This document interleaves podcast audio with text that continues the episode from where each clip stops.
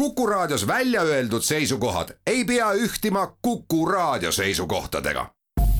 Te kuulate Kuku Raadiot. ja nüüd kohe algab Juku Raadio.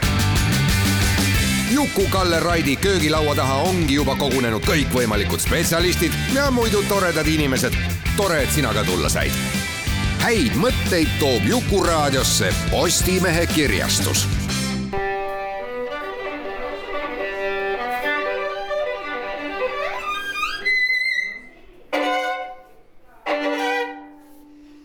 Laku panni. tere, hea Jukuraadio kuulaja.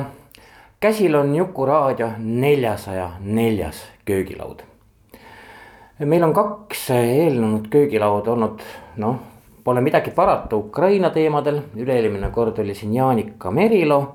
kes on ju äh, lapsena Ukrainas kasvanud ja tegelikult oma plikamälestustega aitas meil tänast Ukrainat noh, on ta oligarhiast päevalille väljadeni korralikult lahti muukida.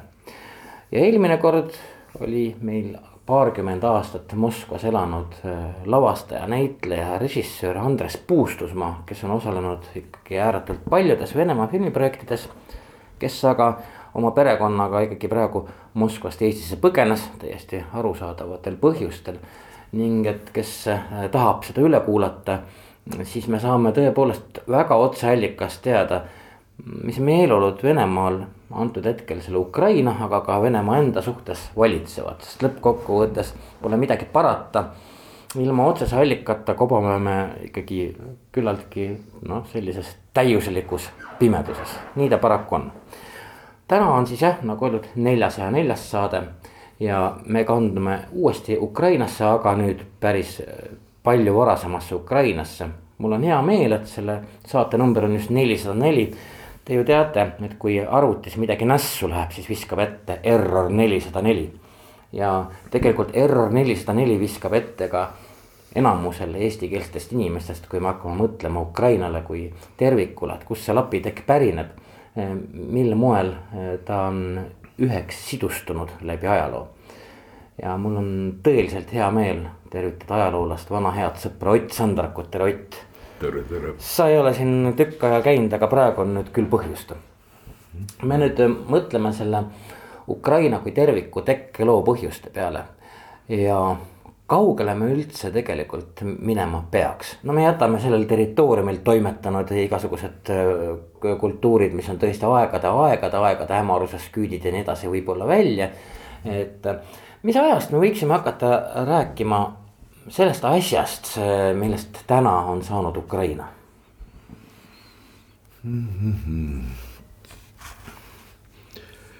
noh, kui mõelda, mis see on, millest on saanud Ukrainas tahes-tahtmata oma rolli mängib selle maa geograafiline asend läbi kogu tema ajaloo ehk sama Pontose või Sarmaatia stepp, nagu teda on teatud tuntud, kust on läbi voorinud loendamatu hulk kõikvõimalikke etnilisi moodustusi, rahvaid, rahvusi.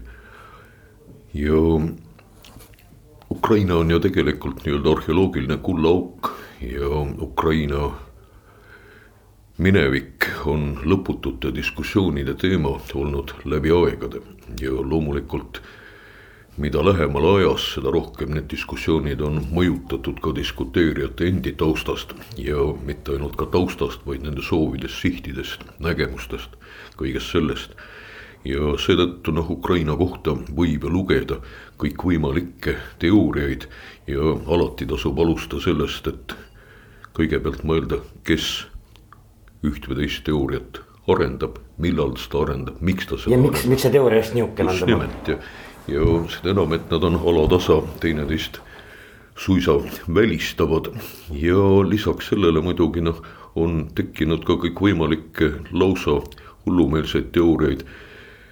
mida on ühel või teisel hetkel entusiastlikult promotud ja hiljem jällegi nende kandjaid sama entusiastlikult mõnitatud ehk koondkokkuvõttes on kõiksugu vahtu üles pekstud nii-öelda alates esiajaloost kuni tänase päevani välja. ja, ja see kestab, nagu teame Vene riikliku propagandana täiesti jõust tänase hetkeni. no praegu on see kuidagi eriti ja. ju võimendatud, eks ole, jah. ja, ja loomulikult need kaugemad ajastud, need on pigem juba mingis mõttes ikkagi suhteliselt depolitiseerunud. kuigi noh, on ka neid täna, kelle jaoks indoeurooplaste kodumaa või slaavlaste algkodumaa, need on ka elu-surma küsimused. ja ka kõik need diskussioonid käivad ikka jälle ümber Ukraina. ehk siis äh, pikk, hästi keeruline, hästi mahukas ajalugu, mida me ise paraku teame üksnes tükati. ehk kui võtta nihukest noh kooli ajalugu, siis Ukraina ilmub justkui mängu mingitel eri ajalõikudel ja kaob jälle pikkadeks-pikkadeks ajalõikudeks aga noh, see on kooli ajalooõpetuse läbiv jama enam-vähem noh, kõigi maade puhul. ehk mingeid perioode peetakse ülivajalikuks nagu vastavalt nii-öelda poliitilisele tagamaale esile tõsta ja õiges suunas valgustada ja nagu sündmused enam ei toeta seda oma narratiivi, nii parem nad unustada, parem neist mitte rääkida ehk siis vaheldumisi mingid eredad sähvatused ja tükk tühja maad ja pimedust. ehk niimoodi isegi noh, Kreeka ajalugu me teame umbes samuti mhm. tegelikult ju mm -hmm.. ehk ajuti justkui toimub seal midagi tähtsat ja sa hakkad mõtlema oot-oot-oot, aga enne seda järgmist tähtsat, kas vahepeal ei juhtunudki midagi. ja Ukraina ajalooga täpselt sama valikuline serveerimine, eriti nii nagu on teinud seda šovinistlik Vene ajaloo käsitlus, imperialistlik käsitlus, olgu ta Õntsa keisririigi aegne või enamlik nõukogulik ajaloo käsitlus. mõlemad on täpselt serveerinud materjali üksnes selektiivselt, üksnes nii-öelda omaenda plaanide ja jõledate tegude takkapihta õigustamiseks aga kuhu me võime minna, no me võime, peame ju kusagilt peale alustama, eks see muidugi raske on. E, juba iseenesest see nimi Ukraina, selle, selle tekkelool on ju mitu, mitu varianti, et miks noh, alates sellest, et see tähendab ütleme piiriala või ääremaad Ukraina, eks ole ju kuni siis ka selleni, et vastupidi, et see sõna Ukraina tuleb sõnast krai, mis tähendab maad, mis tähendabki noh mm -hmm. nagu ikkagi eraldi maad, mitte mingit Venemaa osa, mitte mingit. et noh, et Ukraina rahvas ei ole muidugi vene rahvas, see on kõigile selge. Et mida nüüd siit võtta, et üks on jah, Vene poole pealt edastatud siis, et Ukrainas on nagu küll Venemaa osa, aga just nimelt ääremaa, selline mm piiriäärne, eks ole ju. või teine siis, et tõepoolest, et see on alati eraldi olnud maa, krai. Ukraina käsitamine piirialana, see on tegelikult üks väheseid asju, milles Moskovit ei pruugi süüdistada. ehk nemad seda terminit tõepoolest ei ole välja mõelnud. ehk see termin hakkab figureerima regulaarselt ikkagi sel perioodil, mil tegemist on veel Leedu ja Poola-Leedu piirimaadega. eks see mõiste ise, frontiäär või frontera, nagu teistes keeltes analoogid. see on täiesti loogilise tekkega, just nimelt piirivöönd vastu kedagi või midagi, see keegi või miski on pigem vaenulik jõud. ja kuueteistkümnendal sajandil, mil see mõiste hakkab aina sagedamini käibima ja, ja muutub nii-öelda üldkasutatavaks, noh, sel hetkel ongi tegemist sarnase olukorraga ehk siis suur ja ebasõbralik naaber, see on Osmanite Türgi ja tema kohalik vasallriik ehk Krimmi khaaniriik. ja tolleaegse Poola-Leedu lõunapoolsed maad, mida asustavad ei keegi muu kui tänaste ukrainlastega otsesemad esivanemad, see ongi eluohtlik piirivöönd, suuresti inimtühi piirivöönd ja sellisena tajusid seda tegelikult kõik. ehk siis selles mõistes ääremaa, piirimaa, pigem piirimaa oleks täpsem kui ääremaa. ehk see ei tähenda mitte perifeeriat nii-öelda või provintsi pejoratiivses mõttes, see tähendab ikkagi just nimelt piirivööndit. ehk samasugused mõisted on ju tegelikult ajaloolist kaardit täis, ütleme kõik see saksapärane mark või marhia. Need on ka kõik omaaegsed piirivööndid, kus selgelt markeeritud piirist ju ei saa üldse juttugi olla, on mingisugune möönd või laiemat sorti riba maastikul, mille üle keegi ei suuda oma võimu kehtestada, kus või kus see vaheldub. ja, ja võim vaheldub, kus pidevalt toimuvad nii-öelda erineva intensiivsusastmega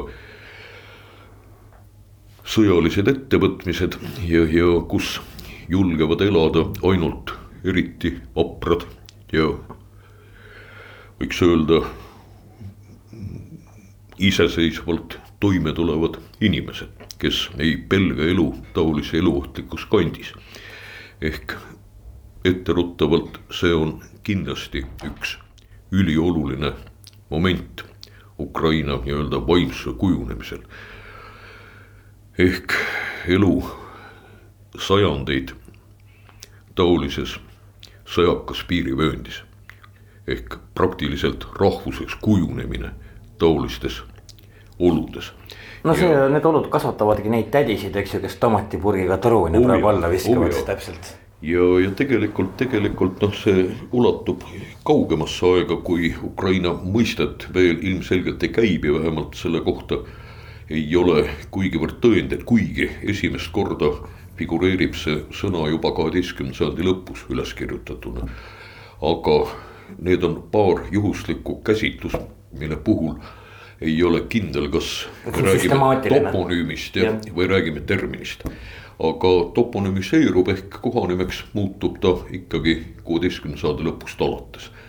ja sel ajal Moskoovia on veel metsa taga ja selles mõttes see ei ole mitte venelaste välja mõeldud termin. küll aga ukrainlaste esiisad seda iseenda kohta toona ainumõeldavana kindlasti veel ei kasuta.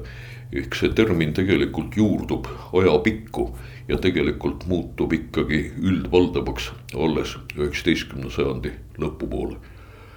Ehk kui loobutakse senistest konkureerivatest identifikatsiooni terminitest, olgu nad siis russiin või ruteen või väikevenelane. ja selle asemel hakatakse üha rohkem rääkima endist kui ukrainlastest. kui me tuleme nüüd korraks ähm, Ukraina kui äh, rahvuse kaardistamise juurde siis paratamatult me ju näeme, et noh, see on üks asi, mis kindlasti moskoviitidele ei ole meeldinud ei minevikus, ei meeldi ka loomulikult täna et noh, igal võimalikul juhul üritada näidata, et noh, on mingi kentsakas selline mingi, mingi maa, maal elavate selliste matside murrak, eks ole ju, mitte omaette keel.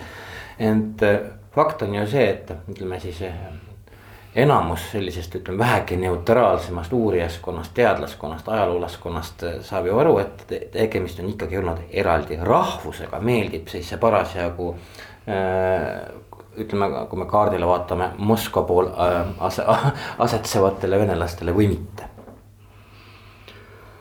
no siin on paratamatu küsimus, mis ajast me saame Rahvus. rääkida erinevatest idaslaavi rahvustest.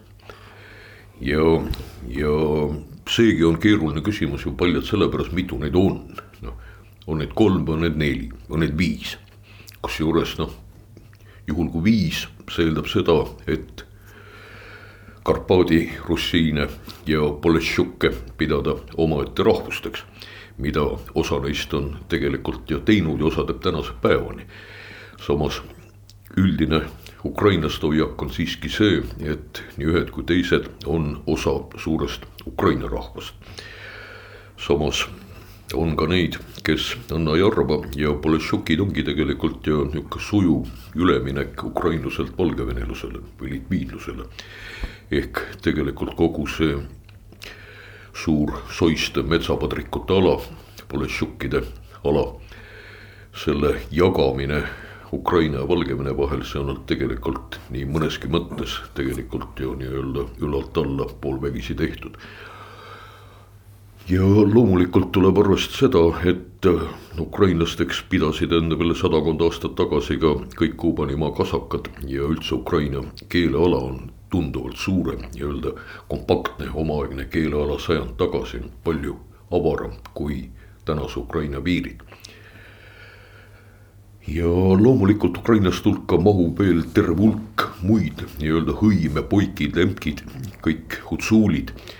ehk Karpaadi erinevad mägilased, noh, kes paljuski kannavad endas muide keldi geene, olles slaviseerunud mingil perioodil. aga tänase seisuga nad on kõik paratamatult ikkagi ukrainiseerunud ja sama head ukrainlased kui ka muude alade taustaga inimesed ja loomulikult ukrainlastel on põhjus end otseselt seostada vanavene rahvusega, nii nagu seda yeah. üldiselt nii-öelda tunnistavad enam-vähem kõik, välja arvatud. noh, ütleme suht marginaalsed mõtlejad, kes üritavad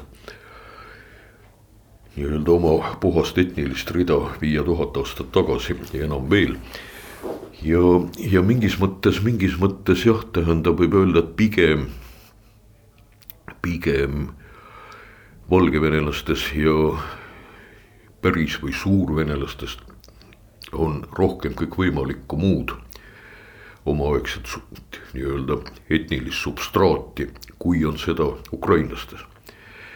ehk tähendab paratamatult Kiievi-Vene riiklusaegadel õigeusk oma kirikuslaavi keelega.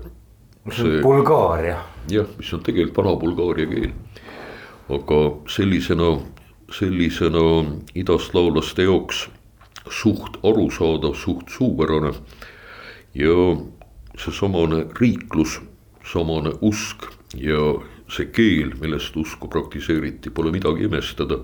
et selle abil tasapisi keeleliselt slaviseeriti nii lõunapoolsed Balti hõimud kui terve hulk meie idapoolseid sugulasi. ja ka Turgi tõugu idapoolseid naabreid.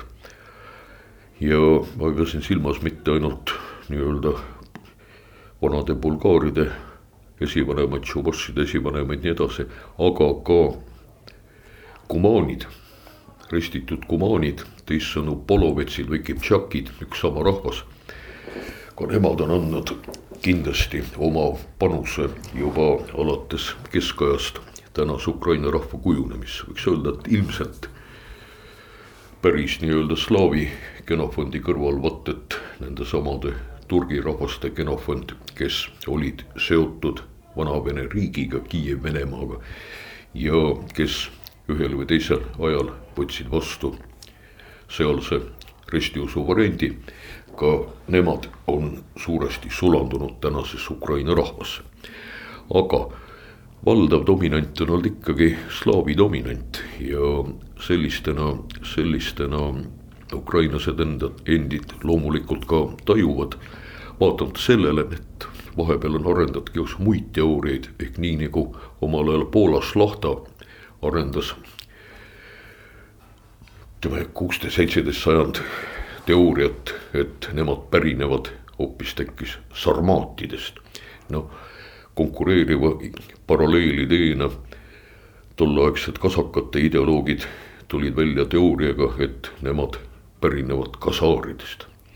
kasaari suurriik oli tõepoolest olemas, aga kasakate pärinemine kasaaridest, noh, see on teooria on ammu leidnud koha ajaloo prügikastis, nii nagu ka teooria Askenaasi juutide pärinemisest, kasaaridest.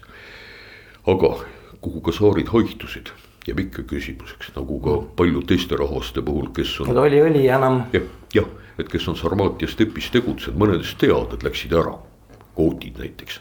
aga mõnede puhul ei tea, kus said ka kumaanide puhul on teada, et osa lõpetasid Ungaris ja seetõttu läbi kumaanide on ka ukrainlased ja ungarlased mingis mõttes veresugulased.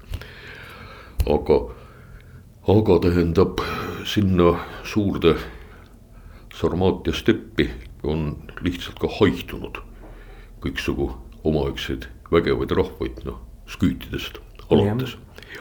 aga samas see küütide koobas on Skikermen Krimmi poolsaarel tuleb ju kohe meelde, eks ole ju. noh, kes, kellel oli veel õnn ja võimalus seal käia, kui see Krimm Ukraina all oli, et, et see oli väga vägevad, väga vägevad kohad, aga tõepoolest haihtusid, mis nad haihtusidki. ja, ja etiline kirevus, see on noh, kogu Ukraina tänase territooriumi eripära olnud tegelikult ka läbi aegade, aga vaieldamatult domineeriv rahvas arvuliselt ja sisuliselt on ikkagi ukrainlased. ükskõik, kes neid parasjagu pole valitsenud, kelle vahel nad parasjagu pole olnud ära jaotatud.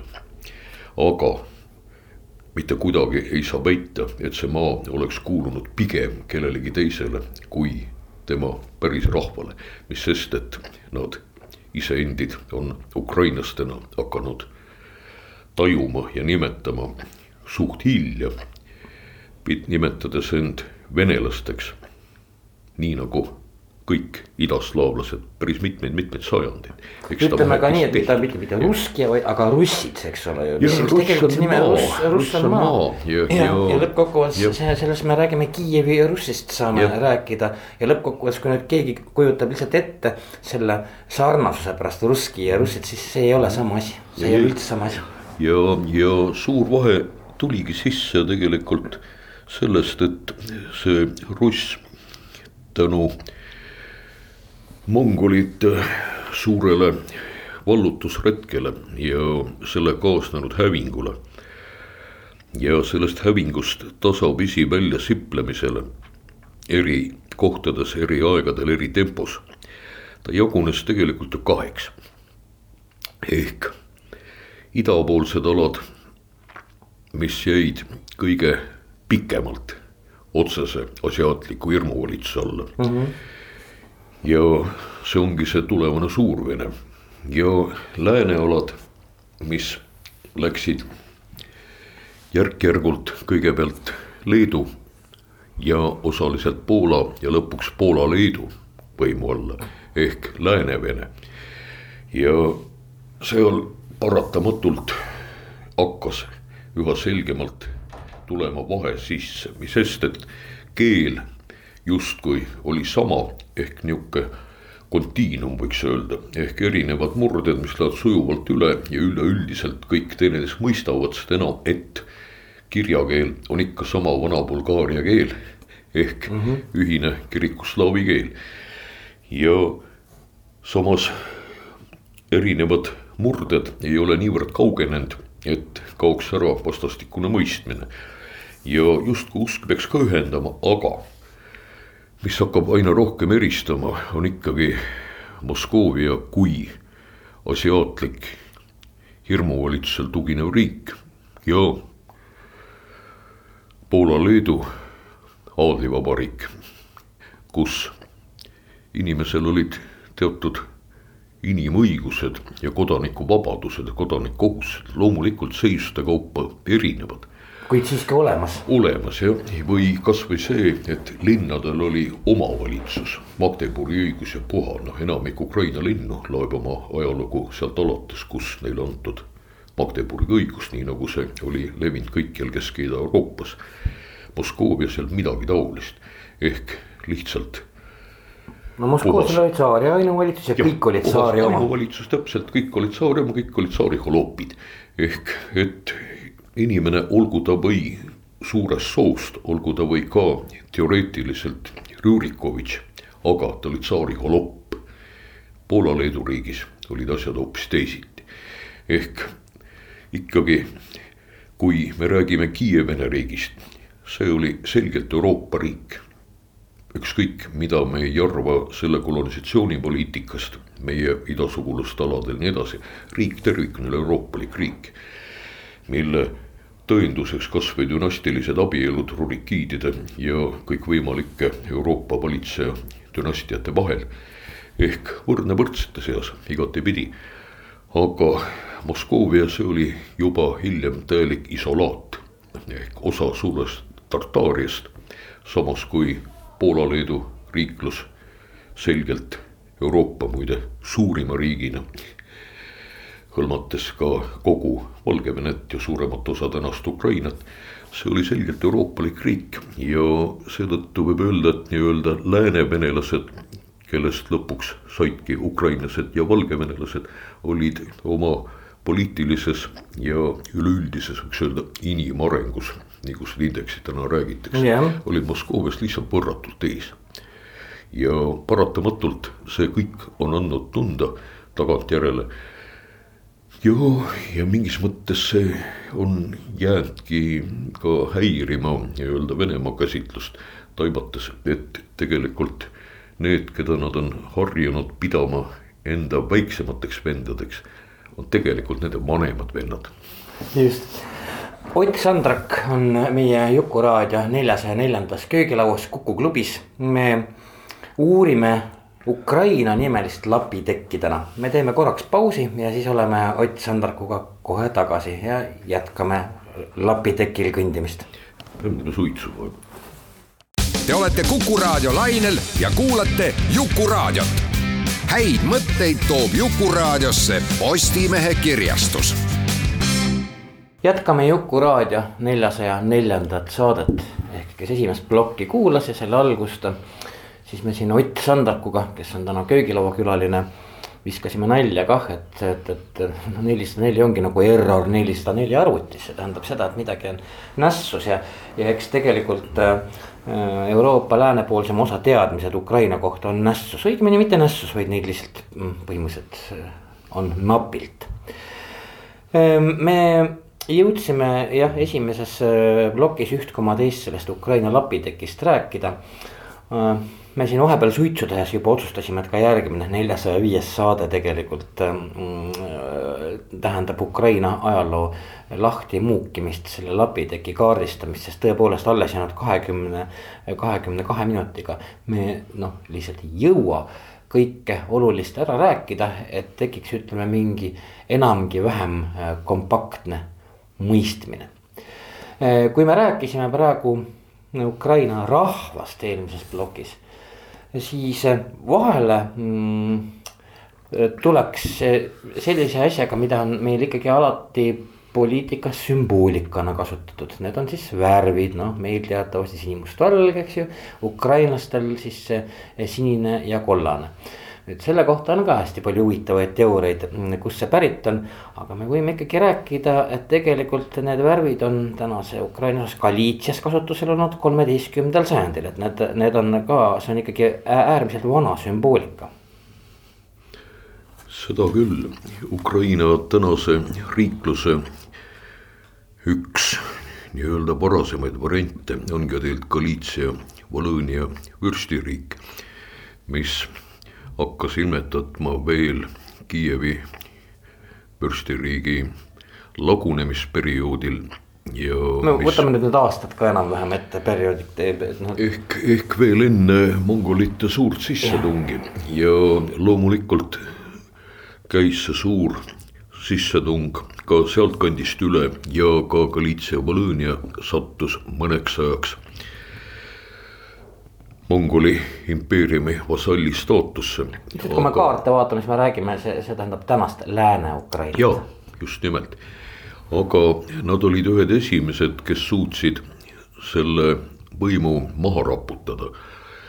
ja seda osalt tänu liitlassuhetele naabermaade Ungari ja Poolaga, aga osalt ka vastakuti madistades ja maid jagades.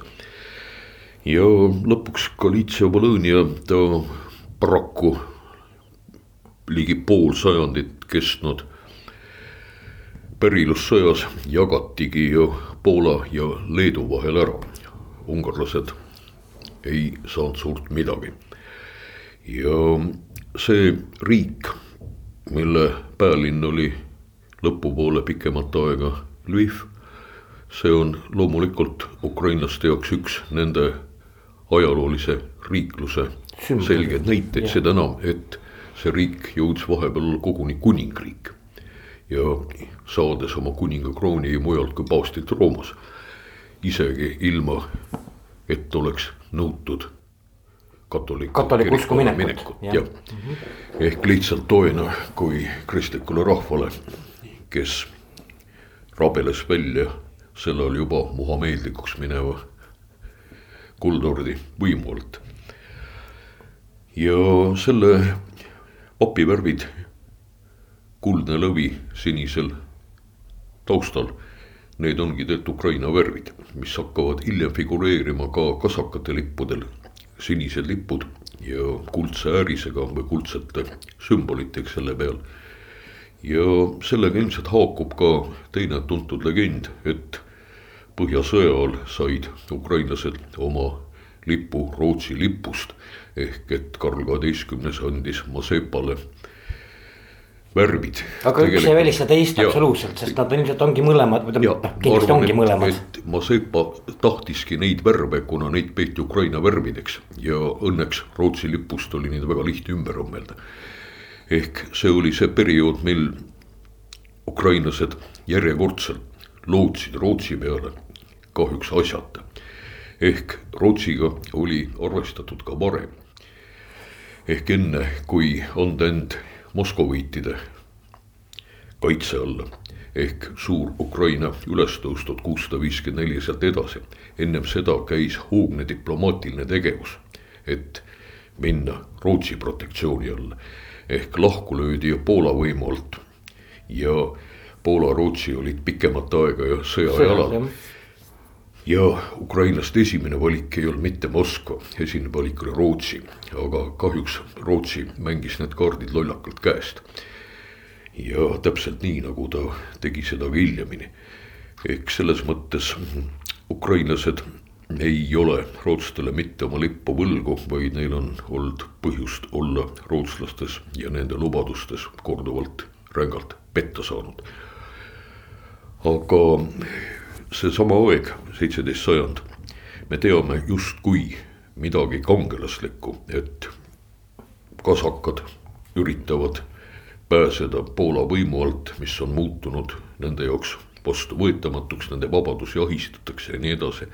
ja selleks, et pääseda, minnakse Moskva võimu alla, kuigi justkui liitlasena, aga Moskva ei kujutanud ette mingit liitlust. no ei ainult, ole kunagi kujutanud ja ei kujuta ka täna. ainult alistumist ja seda Melnitski sammu, noh, seda on kirutud ja kahjatsetud kuni tänase päevani. Bogdanov Hmelnitski oli jah, kes siis nii-öelda siis selle Ukraina Moskvaga ühendas, kuigi siin on nüüd jälle vot ega me ju ei tea täpselt ajalukku vaadates kuidas see täpselt oli, aga oma elu viimastel tunnikestel sai Bogdan Hmelnitski aru, et, et see samm oli viga ja tahtis seda tagasi võtta. nüüd kuivõrd see tõsiselt tõ, tõele vastab, seda on muidugi meil siin Kuku klubis kahekümne esimesel sajandil oli raske öelda. ei no kahjatsema hakkas ta vaieldamatult ja kaheldamatult. ehk, ehk tähendab Moskva hakkas seda omavahelist lepingut rikkuma kohe, kohe. ja sõlmides ilma ukrainlasteta vaherahu Poolaga ehk praktiliselt reetes oma äsjase liitlase. ja tegelikult see periood lõppes ühesõnalise järeldusega, nii nagu ukrainlased seda ajajärku ehk seitsmeteistkümnenda sajandi keskpaika tajuvad ja see termin ruiina ehk varemed. eks see oli see, millega lõppes Perejaslavi raadal alanud justkui kahe vennasrahva taasühinemine. see lõppes varemetega, see lõppes kolme naaberriigi vahel ära jagatud saamisena. ehk meiegi olime sellal jagatud yeah., küll Rootsi, Poola, Taani ja Setomaa ka Venemaa. just nimelt, see oli Eesti oli samasugune lapitekke, mis ei tähenda, et Eesti rahvast ei olnud olemas, vastupidi, oli küll, aga lihtsalt territoorium just, oli jagatud just, ja Ukrainaga juhtus ju sama asi. ja Ukraina samamoodi jäi jagatuks Moskoovia, Poola, Leedu ja Osmani-Türgi vahel ehk siis, ehk siis äh, seda jagatust jätkus hiljeminigi pikalt, kui oldi jagatud lõpuks pikemal perioodil Venemaa ja Austria-Ungari vahel. ehk siis Ukraina maade nii-öelda kokkusaamine üheks rahvusriigiks, see on kuni kahekümnenda sajandi alguseni noh, nende suur unistus üksnes.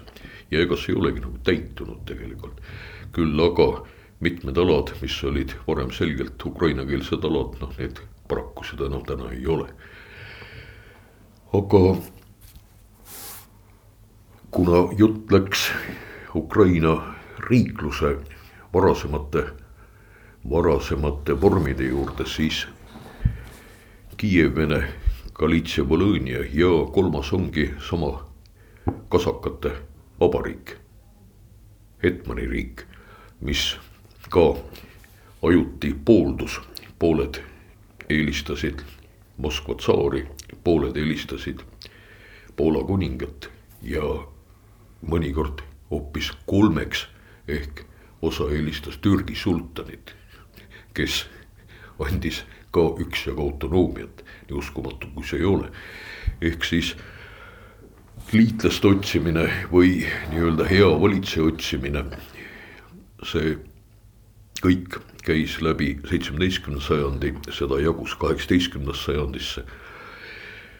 ehk need poliitilised tõmbetuuled ja kolme suurriigi omavahelised maade jagamised, noh Rootsi suurriigina paraku jäi neist mängudest mingil hetkel juba, juba välja, eemale ja kõrvale.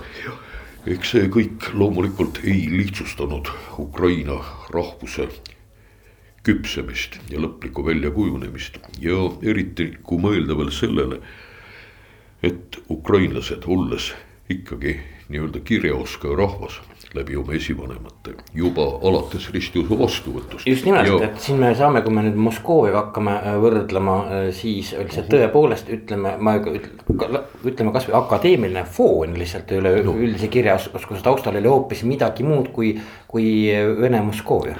võrreldamatu, Kiievi Mohila akadeemia, see oli ju üks Poola-Leedu riigi üks olulisemaid ülikoole Krakowi ja Vilniuse kõrval ja kui mõelda igasugu Ukraina juhtivatel tegelast tollest ajast.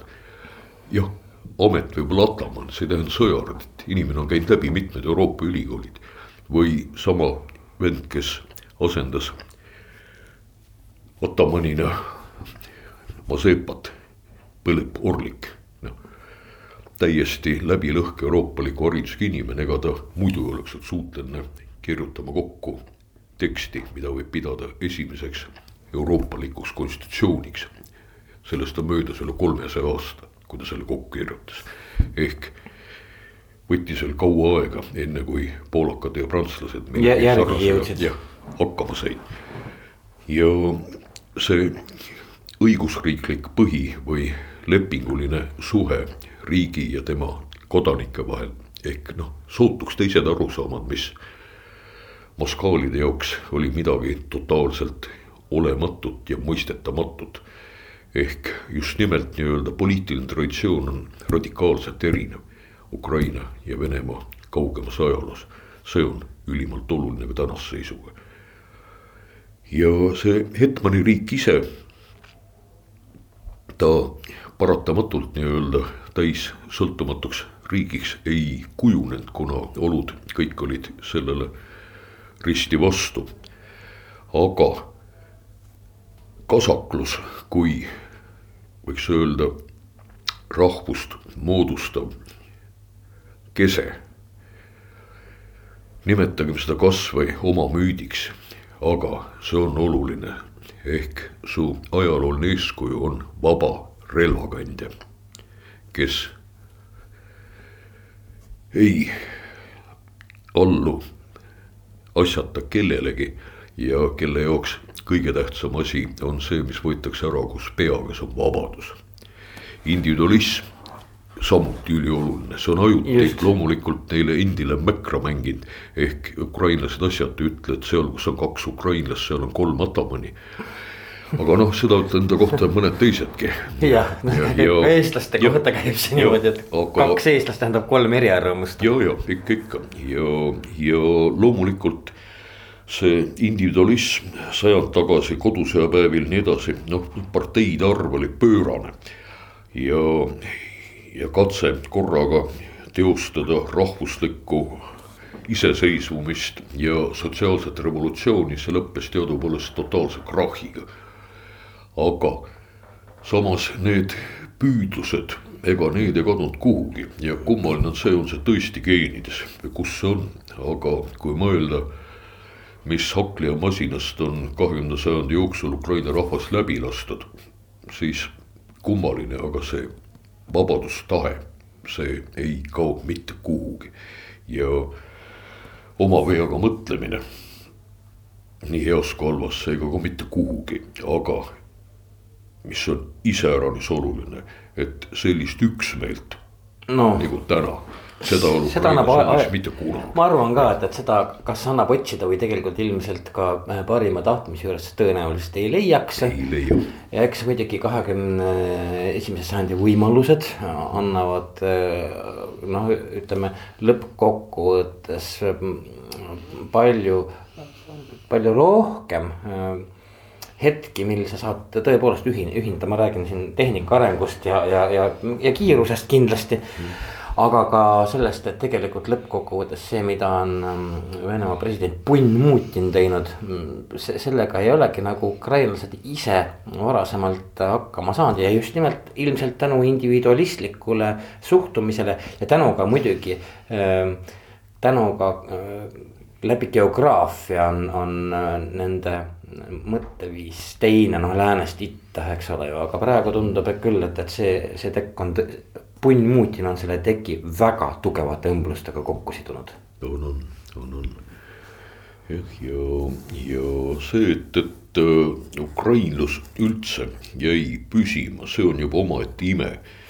kui mõelda, kuidas Vene riik pingutas isegi oma liberaalsemate valitsejate nagu Aleksander Teine aegu ehk kuidas järjest keelati ära. no see on kogu üheksateistkümnes sajand tegelikult. ja see hakkas pihta juba Peeter Esimese aegades, kuidas noh keelati ukrainakeelset trükisõna, keelati ukraina keele kasutamist kirikus, koolis, kohtus. kuidas keelati ukrainakeelset aabitsat, kuidas keelati ukrainakeelset teatrit, kuidas keelati ukrainakeelset lastekirjandus, kuidas keelati vene keelest ukraina keelde tõlkimine. ehk me ei ole Eestis taolist keelelist mahasurumist pidanud iial taluma ühegi režiimi all, kui ukrainlased aastakümneid ja aastakümneid. ehk siis see, et kõige selle kiuste keel areneb, rahvus püsib ja see on tagantjärgi isegi uskumatu, kui hakata mõtlema neid nii suurt teist rahvast Euroopas, kelle keelt oleks niimoodi süsteemselt üritatud välja juurida ja ilma eriliste tulemusteta ega ei olegi teist kõrvale panna no siin võib-olla aitab ka pilk kaardile ja just nimelt nagu eh, me siin suts aega tagasi rääkisime, et eh, Ukraina eh, keelt kasutav geograafiline areaal, elik siis ukrainlaste areaal oli, oli tunduvalt suurem kui on, kui mahub tänasest, tänastesse Ukraina piiridesse. Ja lõppkokkuvõttes ilmselt see, see suurus ja, ja ka mõnes mõttes hajutatus loomulikult aitas sellele kaasa, et see kõik püsima jäi. sest ütleme, kui sa oled geograafiliselt väga monoliitses kohas, noh, sellises hästi piiritletud kohas ja väike rahvas, noh muidugi me, meil tuleb kohe kõigepealt. me tuleme kõigepealt me iseendale meelde, eks ole, iseendale peale. siis, siis muidugi on väikse, väikse rahvaga, mis on väga monoliitne, väga kindlas geograafilistes piirides on on lihtsam välja juurida, kui siis ütleme seda lahmakat, mida me Ukrainal tunneme. kusjuures isegi on võimalik keelt nullida, rahvustunnet ikkagi mitte.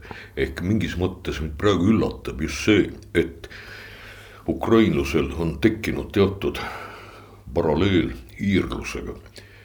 ehk ka iirlane võib inglise keeles öelda, mis tema arvab ühendkuningriiklastest ja englastest ja nii edasi. Samamoodi nagu ukrainlane ütleb seda selges vene keeles. Ehk keel võib olla kadunud või et seda on hakatud õppima teadlikult enda rahvustunde tugevdamiseks, olles kasvanud juba oma vaenlase keele peal. Tänu tolle keelepoliitikale, aga sellele vaatamata, et keeleoskus on lastud minna, aga rahvuslik vaimsus ei ole kuhugi kadunud. ehk see, mida me näeme praegu Ida-Ukraina aladel just need alad, kus justkui vene keel oli lauks domineerimas linnades. ja Harkiv näiteks jah. Harkiv ennekõike, aga ka Kiiev ja nii edasi, see on omamoodi uskumatu see oli väga ehe näide ka, kui puhkes oranž revolutsioon siis selle sajandi esimestel, esimesel viiel aastal, noh, ta oli nagu natukene eelprotsess ka, et me ei saa öelda, et see kõik algas nagu Põmmdi Maidaniga. aga kui rahvas lõpuks Krešetikule kogunes ja see Maidan oli, ma olin sealsamas kohal ja usu mind, eh, nädala ajaga rääkis kogu Kiiev, mis enne rääkis, nädal enne rääkis vene keeles mm. -hmm äkki rääkis ukraina keeles, et selles mõttes see üleminek oli järsk üllatav ja tekitas sellise noh, kõrvaltvaatajale ikkagi täieliku vau-efekti mm. -hmm. loomulikult. Ott, mm, kuna me jah leppisime kokku, et neljasaja viienda saate me teeme ka Ukraina ajaloost, meil on väga palju lahti rääkimata just nimelt see pidev tahe Ukrainat lõhki kiskuda, katki kiskuda. erinevaid osasid üksteise vastu välja mängida, ajaloost on siin ka veel mitu asja pajatamata. siis võib-olla, mm, mida me järgmine nädal puudutame lisaks sellele lõhkikiskumisele? no ilmselt oleks mõtet rääkida ka Lääne-Ukraina eripäradest ja, ja Ukraina-Poola suhted, mis on ka loomulikult. väga, väga keerulised. väga keerulised ja, ja praegu ilmselt on need läbi aegade kõige südamlikumas faasis. on küll jah, sellepärast seal on ja, kõvasti kaklust esinenud läbi ajaloo. ja, ja, ja samuti noh, Ukraina on olnud tegelikult ju niivõrd polüetniline maastik viimast sajandit. ja kuidas ta on selleks kujunenud ja kuidas see on mõjutanud nii Ukraina sisemist poliitilist elu kui suhteid naabritega ka see on väga oluline loomulikult. nii et need momendid võib-olla kindlasti oleks. Need momendid me võtame siis. Äh, täpsustamist väärivad. täpsustamist väärivad, me täpsustame neid täpselt nädala pärast, neljasaja viiendas Juku-raadio köögilauas koos Ott Sandarkuga väga tore Ott, et sa tulid, sest lõppkokkuvõttes need on paljuski mitte ainult eestlase jaoks, vaid tegelikult ka ülejäänud lääne-eurooplaste jaoks ikkagi täiesti. noh, ütleme rääkimata lood või küllaltki tume maa. nojah, seda ütles ka esimese maailmasõja aegse Saksa okupatsioonivalitsuse pealik von Eichhorn Venemaast ma saan aru, Ukrainast ma ei saa üldse aru. ega ei saanudki, varsti tapeti ta pommiga Kiievi uulitsal. nii et jäigi aru saamata. nii on, Ott Sandrak, aitäh ja kuulajale aitäh, neljasaja neljas köögilaud oli ja siis neljasaja viiendas jätkame uuesti Otiga ja, ja Ukraina keerulist, äärmiselt huvitavat ajalugu, millest on siis ikkagi tekkinud üks väga tugev erinevatest lappidest koosnev väga selline noh, identiteedirikas äh, riik praegu aastaks kaks tuhat kakskümmend kaks, olge mõnusad, nädala pärast oleme Otiga tagasi. ju.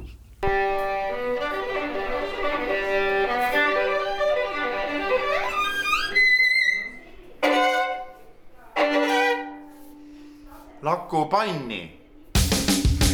häid mõtteid toob Jukuraadiosse Postimehe kirjastus